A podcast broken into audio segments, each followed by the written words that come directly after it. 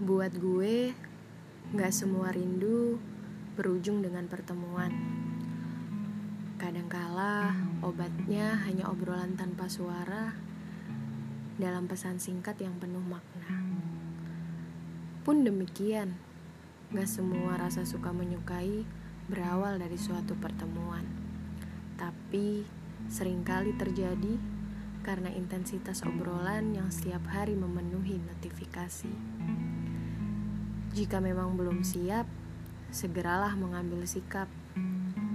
Untuk itu, menahan jari lebih selamat, karena bagaimanapun mencegah lebih baik daripada mengobati, bukan?